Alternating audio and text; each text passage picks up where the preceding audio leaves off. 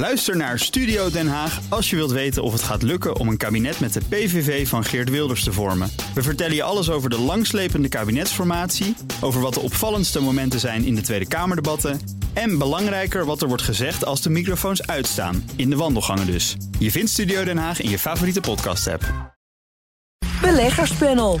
Shell kwam met tegenvallende kwartaalcijfers in een update. Moeten beleggers zich zorgen gaan maken? En Beter Bed wordt overgenomen door een private equity partij. Wat betekent dat voor de aandeelhouders? Dat en meer bespreek ik in het beleggerspanel. En daarin zitten Reiner Wietsma, Head of Investment bij IBS Capital... en Marco Groot van 8 eh, Days a Week. Ja, Marco doet alsof hij in de boxring staat. Hij wijst nog even Reiner aan. En links van hem nu in de hoek ook uh, inderdaad. Marco Groot, goed dat jullie er zijn. Dankjewel. Dankjewel. Reinder, ja, omdat ik weet dat ik de spectaculairste antwoorden mag verwachten. Wat is jouw laatste transactie? Ja, nou, uh, dat is uh, fijn dat de roem vooruitgesneld is. Maar we hebben een portefeuille met 30 ondernemingen en wij handelen weinig. we hebben dit jaar één echte transactie gedaan. Die heb ik al een keer Ja, nee, ook de twee keer zelfs, omdat het en, zo bijzonder ja, was. We, we hebben weinig. En we hebben er nu een, een soort halve gedaan. Oh. Uh, want we hebben namelijk een spin-off gehad eerder in het jaar uh, van Brookfield Asset Management. Een hele grote belegger in uh, private assets, dus infrastructuur, dat soort zaken. En die hebben zichzelf in twee delen geknipt. het ene deel was het bedrijf waar ze zelf ook met hun eigen geld beleggen. En het andere deel was waar ze dat voor anderen doen. Dus de asset manager voor derde. Um, en de, de, de, moederorganisatie heeft nog driekwart van wat ze ook aan ons gegeven hebben. Maar dat plukje dat wij gehad hebben, dat hebben we nu verkocht. En dat hebben we weer teruggestopt in de originele Brookfield Corporatie. En waarom hebben we dat gedaan? wij hebben eigenlijk het management gevolgd. Management heeft uh, ook dezelfde transactie gedaan. En we vonden dat we de incentives in deze goed konden volgen. En eigenlijk hebben we nog steeds uh, nou een groot stuk van de asset manager voor derde partijen. Dus als staatsfondsen, dat soort partijen. Nou, komen we ook nog over te spreken zo meteen. Ja. Nou, Reiner, ik moet zeggen, het valt me niet tegen. Nee, nee we Daar hebben valt toch wat anders over te zeggen. Echt iets gedaan. Ik bedoel, het is leuk om altijd te vertellen dat je veel doet. Maar we leggen is in heel veel gevallen ook heel weinig doen. En dat uh, proberen we ook uh, nou, bijna tot een kunst te verheffen. Wat uh, mag ik van jou verwachten, Marco? Je mag van mij verwachten dat ik aandelen Intel heb gekocht. En direct ook hele lange calls heb verkocht. En dat is een belangrijk onderdeel van deze transactie. Want ik vind dat Intel eigenlijk een beetje prijzig is op het ogenblik. En de toekomst is onzeker. Um, waardering is, is iets te hoog. Maar die lange calls, daar staat heel veel premie in. Dus wat ik gedaan heb, is rond de 33, even op afgeronde getallen uh, uitgewerkt. Op 33 heb ik aandelen gekocht. En ik heb de call januari 2025, dus anderhalf jaar vooruit, heb ik voor 7 dollar verkocht. Oh. Dus als ik die stukken kwijtraak, dan maak ik geannualiseerd 13, 14 procent rendement. En als het daaronder blijft, dan heb ik aandelen Intel op 33 dollar, min 7 dollar premie, dus 26 dollar binnen. Ja, toch nog even over het bedrijf, misschien zelfs wel breder de sector. Je zegt ja. zelf al, het is onzeker en Intel is best wel duur. Ja. Um, dus het is met name die, die call waar je het over hebt, die ervoor zorgt dat je het toch aandurft. Ja, precies. Kijk, het bedrijf moet zichzelf opnieuw uitvinden. Ze hebben de afgelopen tien jaar een enorme achterstand opgelopen. Aan de ene kant, hè, want ze zijn een hybride bedrijf, dus zij ontwerpen chips en ze maken ze. In het maken lopen ze beduidend ver achterop op Samsung, om het even heel simpel te houden.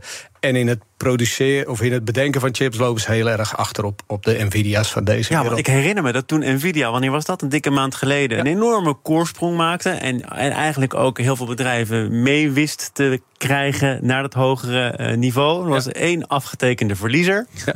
ja, en dat is dus ook in dit geval uh, uh, nu de situatie. Hè, dat het, het toont dat zij echt achter liggen. Echter, ze zijn wel een dermate gereputeerde naam... dat heel veel landen in Europa hun bakken met subsidie wil geven... om nieuwe capaciteit ja, in Europa Duitsland ook, hè, 30 miljard ja. geloof ik. Echt een dure fabrieken die natuurlijk worden neergezet. Dus Intel gaat, gaat de vruchten plukken van de ambitie van Europa... om onafhankelijker ja. Trusted partner. Ik denk dat dat uh, vooral de, de reden is om dit te doen. Ja. Snap jij wat Marco hier gedaan heeft? Ik snap wat Marco gedaan heeft. Uh, en, en ja, de, de moeilijkheid in... in uh, of tenminste lange calls schrijven. Want dat is, die krijgt die premie binnen. Maar dan moet je ook wel wat volatiliteit hebben om dat echt aantrekkelijk te maken. En het voordeel van, je noemde net zelf Nvidia. En wat is dat er best wel veel beweging in die sector geweest is. Dus de volatiliteit die je er nu voor krijgt, zal best wel hoog zijn. Dus dat betekent dat je veel premie krijgt. Daar komt die 7 dan uh, vandaan. Uh, dus wat dat betreft. Uh, nou ja. ja. precies. Dat als, ik denk normaal gesproken was het 2, 3, 4 geweest. Ja. En daar had ik het niet voor gedaan. Maar 7 was, was een mooie spike. Nog heel even tussendoor. Vandaag ook nieuws over ASML. Waar ze hebben gezegd: uh, we gaan het toch een tandje rustiger aan doen met het aannemen van nieuwe mensen. In april dit jaar hebben ze nog gezegd: we willen binnen 7 jaar in werknemersbestand verdubbelen. Nu toch een kleine pauze. Waar komt dat, zou ik willen zeggen, ineens vandaan? Denk je? Nou, in, in de brede zin, er is heel veel optimisme in de sector over AI en alles wat daarmee te maken heeft. Maar als je de exportcijfers van de grootste producent TSMC ziet, dan zie je eigenlijk dat het dit jaar nog gewoon best wel terugloopt. En dat die nou, hele inhaalvraag van de auto-industrie in andere plekken allemaal wel behoorlijk geweest is. Um, dus iets aan normalisatie in de rest van de chipketen is eigenlijk wel onderweg. En de economie is ook uh, verre van oververhit in die sector. Um, dus dat daar ook een, nou ja, een spendingplan van ASML bij past, dat, dat klinkt niet, niet onlogisch. Okay, we gaan van het nieuwste naar het nieuwste naar de bedden. En de matrassen mag ook. Beter Bed heeft een overnamebod gekregen van de investeringsmaatschappij Torx Capital Partners. En als die overname doorgaat, verdwijnt het bedrijf van de Amsterdamse beurs. Uh, was het nog de moeite waard om Beter Bed te volgen, Marco? Ik heb het al jaren en jaren niet gedaan. In de tijd dat ik bij Rabo werkte, toen was het echt een hot topic. Want zij moesten geherfinancierd worden. Eh, in 2012 ontstond er een probleempje volgens mij, zoals bij veel bedrijven. Ehm, dus uit die tijd ken ik het heel goed. De expansie in Duitsland en Scandinavië en Spanje wat vervolgens in 2019 er volgens mij allemaal weer uitgejast ja, omdat er ook uh, wat uh, ongelukken onderweg hebben plaatsgevonden, met name in die andere landen. Precies. En ja, het, het, ze hadden fantastische plannen. Het is allemaal mislukt. Ze zijn teruggegaan naar, naar de Benelux. Uh, en het aandeel is ook steeds kleiner en kleiner geworden. de waarde is ook steeds lager en lager geworden. En nu komt er in een, een, een knaller van een bot af, overheen. Ja, is, het, is het een knaller van een bot? Ja, ik vind van wel. Kijk, de, als simpel sommetje de ondernemingswaarde is 130 miljoen. Dus eh, het bedrijf heeft netto kaspositie.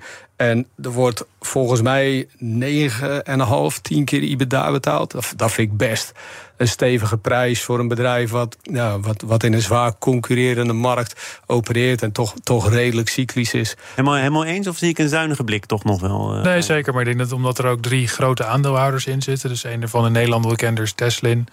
Um, ja, die hebben ook met dit bot een manier om nou ja, zonder ogenschijnlijk veel kleerscheur op een nette manier eruit te kunnen en ook mee te kunnen gaan ja, doen. Ja, nou, precies, want ze gaan er niet helemaal uit, toch? Nee. Volgens mij heeft Torque gevraagd aan die grote aandeelhouders om een deel weer te herinvesteren. Ja, en dat, voor die partij is het natuurlijk een manier om mee te kunnen doen met nou ja, private equity. Um, en voor Torque is het ook een manier om de prijs uh, die ze natuurlijk moeten neerleggen, dus het cash component een heel stuk te drukken, omdat een 40% eh, van de aandelen bij externe uh, eigenlijk direct weer geplaatst is. En ook partijen die heel bekend zijn met, uh, met het En waarom, hè, misschien een domme slash naïeve vraag... waarom is het voor die grote aandeelhouders interessanter om het op deze manier te doen... om aan boord te blijven dan mm. om groot aandeelhouder te zijn in een beursgenoteerd bedrijf?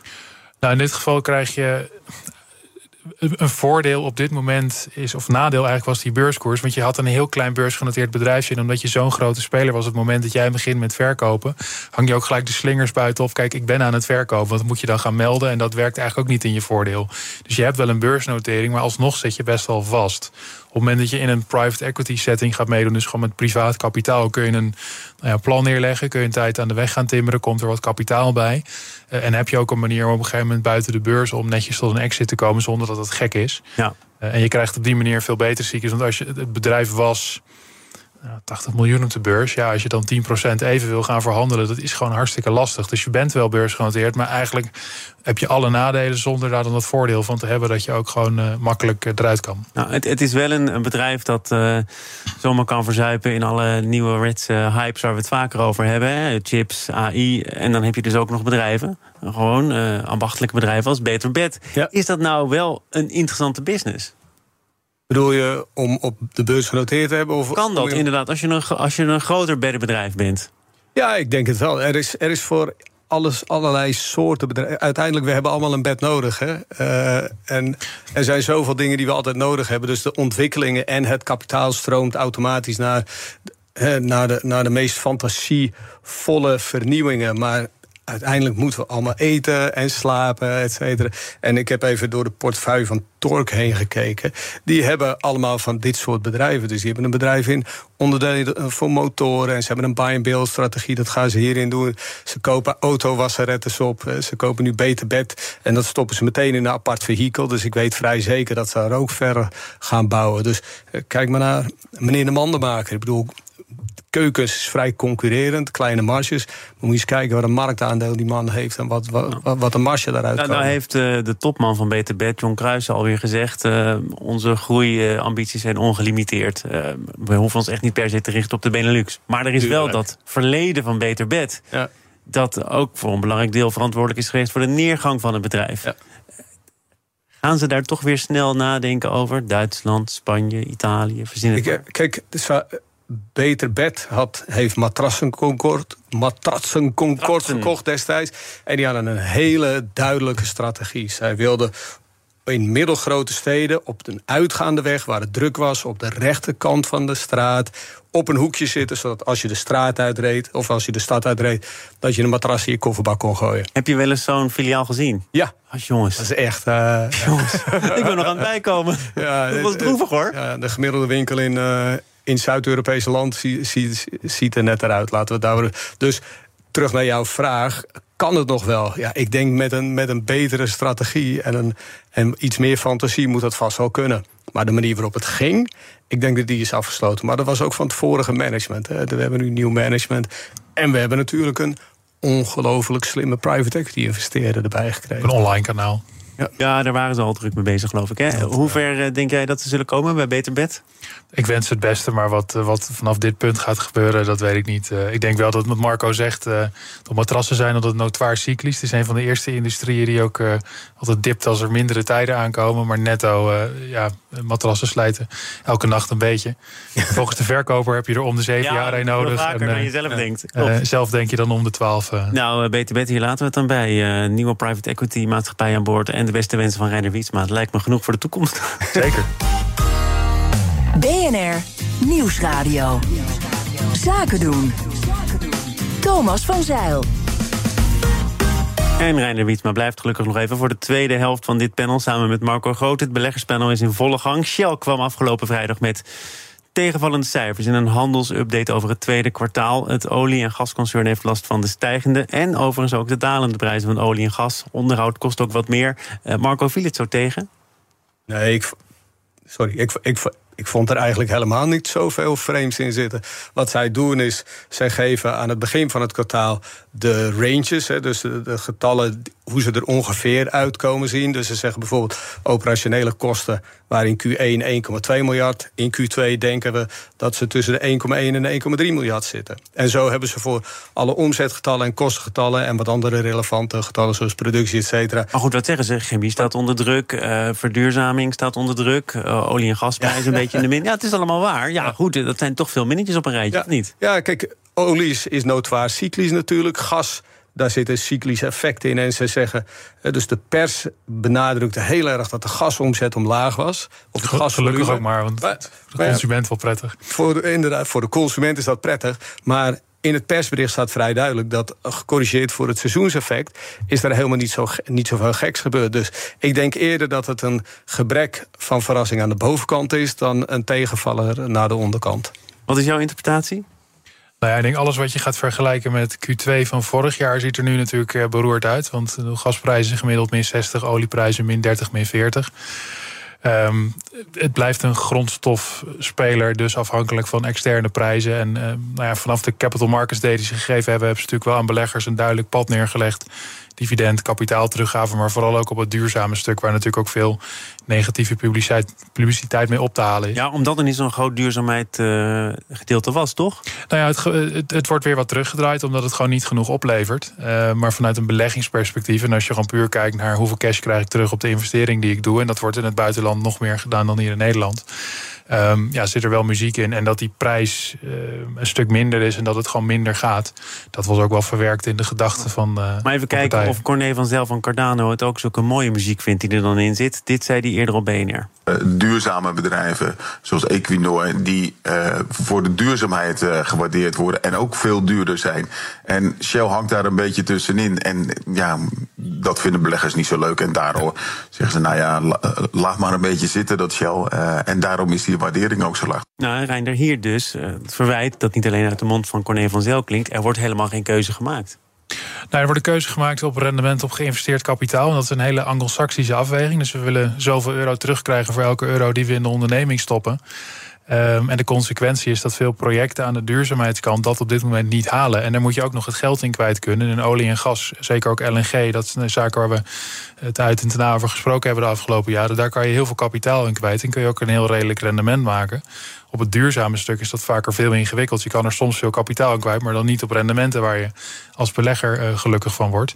Um, en voor Shell betekent dat een enorme U-turn maken. En tegen de tijd dat je dan die hogere waardering gaat hebben eh, is dat nog best wel een ingewikkelde wedstrijd. Want je bent echt wel met een gigantische onderneming bezig. Marco? Is er, is er inderdaad nog te weinig kleur bekend? Of uh, wordt hier wel een duidelijke keuze gemaakt door die nieuwe topman, meneer Sawan? Uh, ik denk het wel. Eén stap terug uh, vergelijken met Equinox heeft geen zin. Het is een hele andere type bedrijf, wat een hele andere activiteit. Corné toch, uh, Corné toch? Ja, Corné, ik ken hem goed. Uh, oh, nou goed. en ik vind het een leuke kerel. Oh, dat uh, maar meneer Sawan die heeft één hele duidelijke statement gemaakt... vanaf het moment dat hij, dat hij aangetreden is. En het is zoveel mogelijk cash uit de business knijpen... en die cash zo snel mogelijk teruggeven aan aandeelhouders. Dat gaat hij ook doen, hè? Aandeel, inkoopprogramma's, dividend omhoog. Nou, dus hij heeft nu in de eerste helft van dit jaar, of hij, het bedrijf heeft nu in de eerste helft van dit jaar 12 miljard aan aandelen ingekocht. Uit mijn hoofd 150 miljard market cap. Dus 8% van de aandelen ingekocht. Dat betekent dat hij volgend jaar kan zeggen: eh, dividend gaat 8% omhoog. En dat is het spelletje wat Shell continu duurt, doet. We zien in de markt dat er een enorme upgrade cycle aan de gang is. Dus de Goldman Sachs en JP Morgan. Maar, maar helft is door. Ben je dan ook goed gepositioneerd voor 2030, 2040, 2050? Of uh, zal dat meneer Sawan toch net wat minder interesseren? Nou, ze hebben in gezegd dat de productieniveaus, de huidige productieniveaus, in ieder geval tot 2030 gehandhaafd kunnen worden. En daarnaast zijn ze heel erg bezig met het investeren in LNG. Dus veel meer in de, in de basis van de energievoorziening. En veel minder in, in de nieuwe vormen van energie. En dicht je daarmee, Reinder, dat, dat waarderingsgat? Hè? Want daar is het Savan ook om te doen. Hij spiegelt zich aan uh, met name Amerikaanse bedrijven... die op de beurs veel meer waard zijn. En hij zegt, als we niet snel optreden, dan, dan wordt Shell een prooi. En dat laat ik niet over mijn kant gaan. Is dit de manier om dat gat kleiner te maken? Nou, de markt is het in ieder geval een heel duidelijk signaal. En dan is het ook aan de markt om over tijd, als er wat bewijs komt voor het feit dat hij ook levert, om dat ook te gaan waarderen. Um, heeft natuurlijk in een turbulente tijd gehad ook een verplaatsing van hoofdkantoor. En het hoopt dat het in de UK wat beter gaat. Nou, ook daar hebben ze recent experimenten gedaan met extra uh, profit taxes. Um, de moeilijkheid ervan is dat als je in 2020, 21 miljarden verliezen maakt, om vervolgens daarna weer miljarden winst te maken, maar er extra belasting over te moeten betalen, beleggers natuurlijk een vorm van scepticism ontwikkelen tegen de Europese oliemajors versus de Amerikaanse oliemajors. Het is een noodwaar cyclische business, dus je moet naar de onder en naar boven niet te verrast zijn. Uh, maar als je over tijd consistent dit uh, uitvoert en ook een stabiel regime hebt van overheden, dan is het logischer dat het waarderingsgat ook sluit. Ik, ik hoor zelfs de gerucht, of ik las hem beter gezegd, uh, over een volgende verhuizing van Shell naar Amerika om al deze klimaathysterie, niet mijn woorden overigens, achter zich te kunnen laten en dan maar een Amerikaans bedrijf te worden. Ja, vind ik een hele ingewikkelde vraag. Het zal logistiek vast kunnen. Um, of het juridisch kan, Um, ik denk dat dat ook niet een heel groot... je pakt de dozen ja. van Shell in. Ja. nee, maar dus... als je je managementteam verhuist... en je kunt gewoon je presence daarheen brengen... Zeg maar, de beslissingen van de onderneming worden daar gedaan... kun je daar ook je hoofdkantoor naartoe verplaatsen. Uh, het is niet zo dat je alle mensen moet inpakken. De, die mogen gewoon blijven. Maar het gaat erom waar zit je hoofdkantoor uiteindelijk. Ja, Flow zegt ook, weet je wat, we gaan naar Bermuda. Het is, dus, technisch is het fiscaal gezien niet moeilijk om te verhuizen. Alle mensen mee verhuizen is meer werken. Ja. We gaan het uh, tot slot hebben over staatsfondsen, Reiner. We hadden het er al kort over. En centrale banken die voelen zich genoodzaakt om hun portfolio's te herzien. Blijkt uit de jaarlijkse enquête van vermogensbeheerder Invesco. Door de gestegen rente, aanhoudende inflatie en geopolitieke spanningen is het nodig om op zoek te gaan naar nieuwe, andere investeringen. Reinder, even bij het begin beginnen. Staatsfondsen. Ja. Eh, hoe worden die gevuld? Van wie is het geld? En waar zit het op dit moment vooral in? Verschillende manieren, maar de, hoe worden die gevuld? Voornamelijk door st- staten die natural resources vinden. Dus de Qatars, de Noorwegens van deze wereld. Er komt een ongelofelijke hoeveelheid geld binnen. Dat kun je nooit in diezelfde tempo op een fatsoenlijke manier spenderen. Eh, Nederland heeft het iets complexer gedaan door het geld stiekem te verstoppen in onze pensioenfondsen. Eh, maar netto is het een hoop geld dat een land binnenstroomt en dat dus wordt opgepot eh, ja, voor andere tijden. En meestal de, de mindere tijden, maar vaak zie je dat het vermogen zo groot wordt en ook weer groeit, dat die eh, staten eigenlijk perpetuele beleggers worden. Want, de- want in het FD werd gezegd, nou, die fondsen die konden wel rustig achteroverleunen. Maar als het over dit soort bedragen gaat, hè, miljarden, en dan, dan, dan druk ik me nog zeer bescheiden uit, dan is het nooit een kwestie van rustig achteroverleunen, of wel? Nee, en je, je loopt vaak ook tegen praktische problemen aan. Want als je tientallen miljarden onder beheer hebt, ja, waar ga je dat ook kwijtraken? Want je kunt wel denken, binnenshuis, eh, ik wil een nieuwe snelweg aanleggen in mijn eigen land, maar daar raak je het geld niet in kwijt. Dus je moet internationaal actief zijn en ook een bepaald absorptievermogen hebben in de markt waarin je het kwijt wil. Dus je ziet het op grote aandelenmarkten, maar ook eh, internationale eh, projecten en investeringen. Eh, om, om dat geld aan het werk te zetten. En ook in staatsobligaties. Dus want waar moet je nu, als je kijkt naar de huidige situatie, Marco, met die eh, oplopende rente? Het is ook gevraagd door Invesco en hoe centrale bankiers en staatsfondsen daarover denken. Hebben we die oplopende rente wel zo ongeveer gehad of niet? Schijnen ze verschillend eh, naar te kijken. Maar toch, waar zou je als staatsfonds, als het gaat over dit soort grote bedragen, ook met een lange looptijd, waar zou je nou het beste in kunnen zitten? Als staatsfonds zijnde. Ja? Ja, jij ik- bent nu het staatsfonds. ik, ik ben nu het staatsfonds. Jij, wat, wat een verantwoordelijkheid vooral. Hè. Kijk, eh, eh, dit is ontstaan omdat die staatsfondsen vorig jaar gemiddeld 3,5% verloren hebben.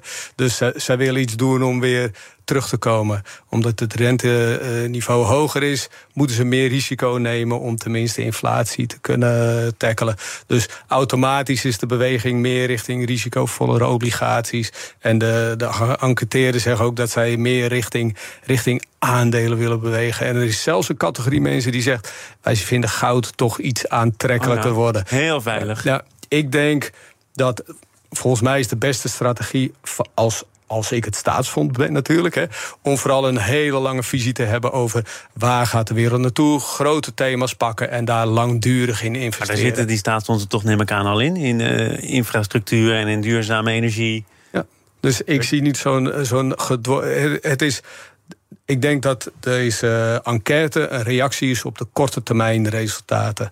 En niet als staatsfonds kan je je niet van de verantwoordelijkheid onttrekken om ook op de lange termijn voor de zorg voor, voor, eh, voor, voor de burgers van dat land eh, te zorgen. Als jij het staatsfonds bent, Nou, het speelveld is heel snel veranderd. Dus anderhalf jaar geleden was de rente negatief. En nu krijg je in Amerika al 5,5 procent. Dus je kunt ook ineens met een heel ander ehm, nou risicoprofiel... toch die langetermijn eh inkomsten genereren die je wilde. En je zag heel lang een push uit de beurs, uit de obligaties... naar private markten, private infrastructuur. En nu zie je hem eigenlijk weer terug. Want je kunt in de meest liquide Amerikaanse staatsobligaties... ineens al 5 tot, tot 4 procent op de hele lange termijn krijgen. En dat geeft natuurlijk een heel ander risicorendementsprofiel... voor dat soort beleggers.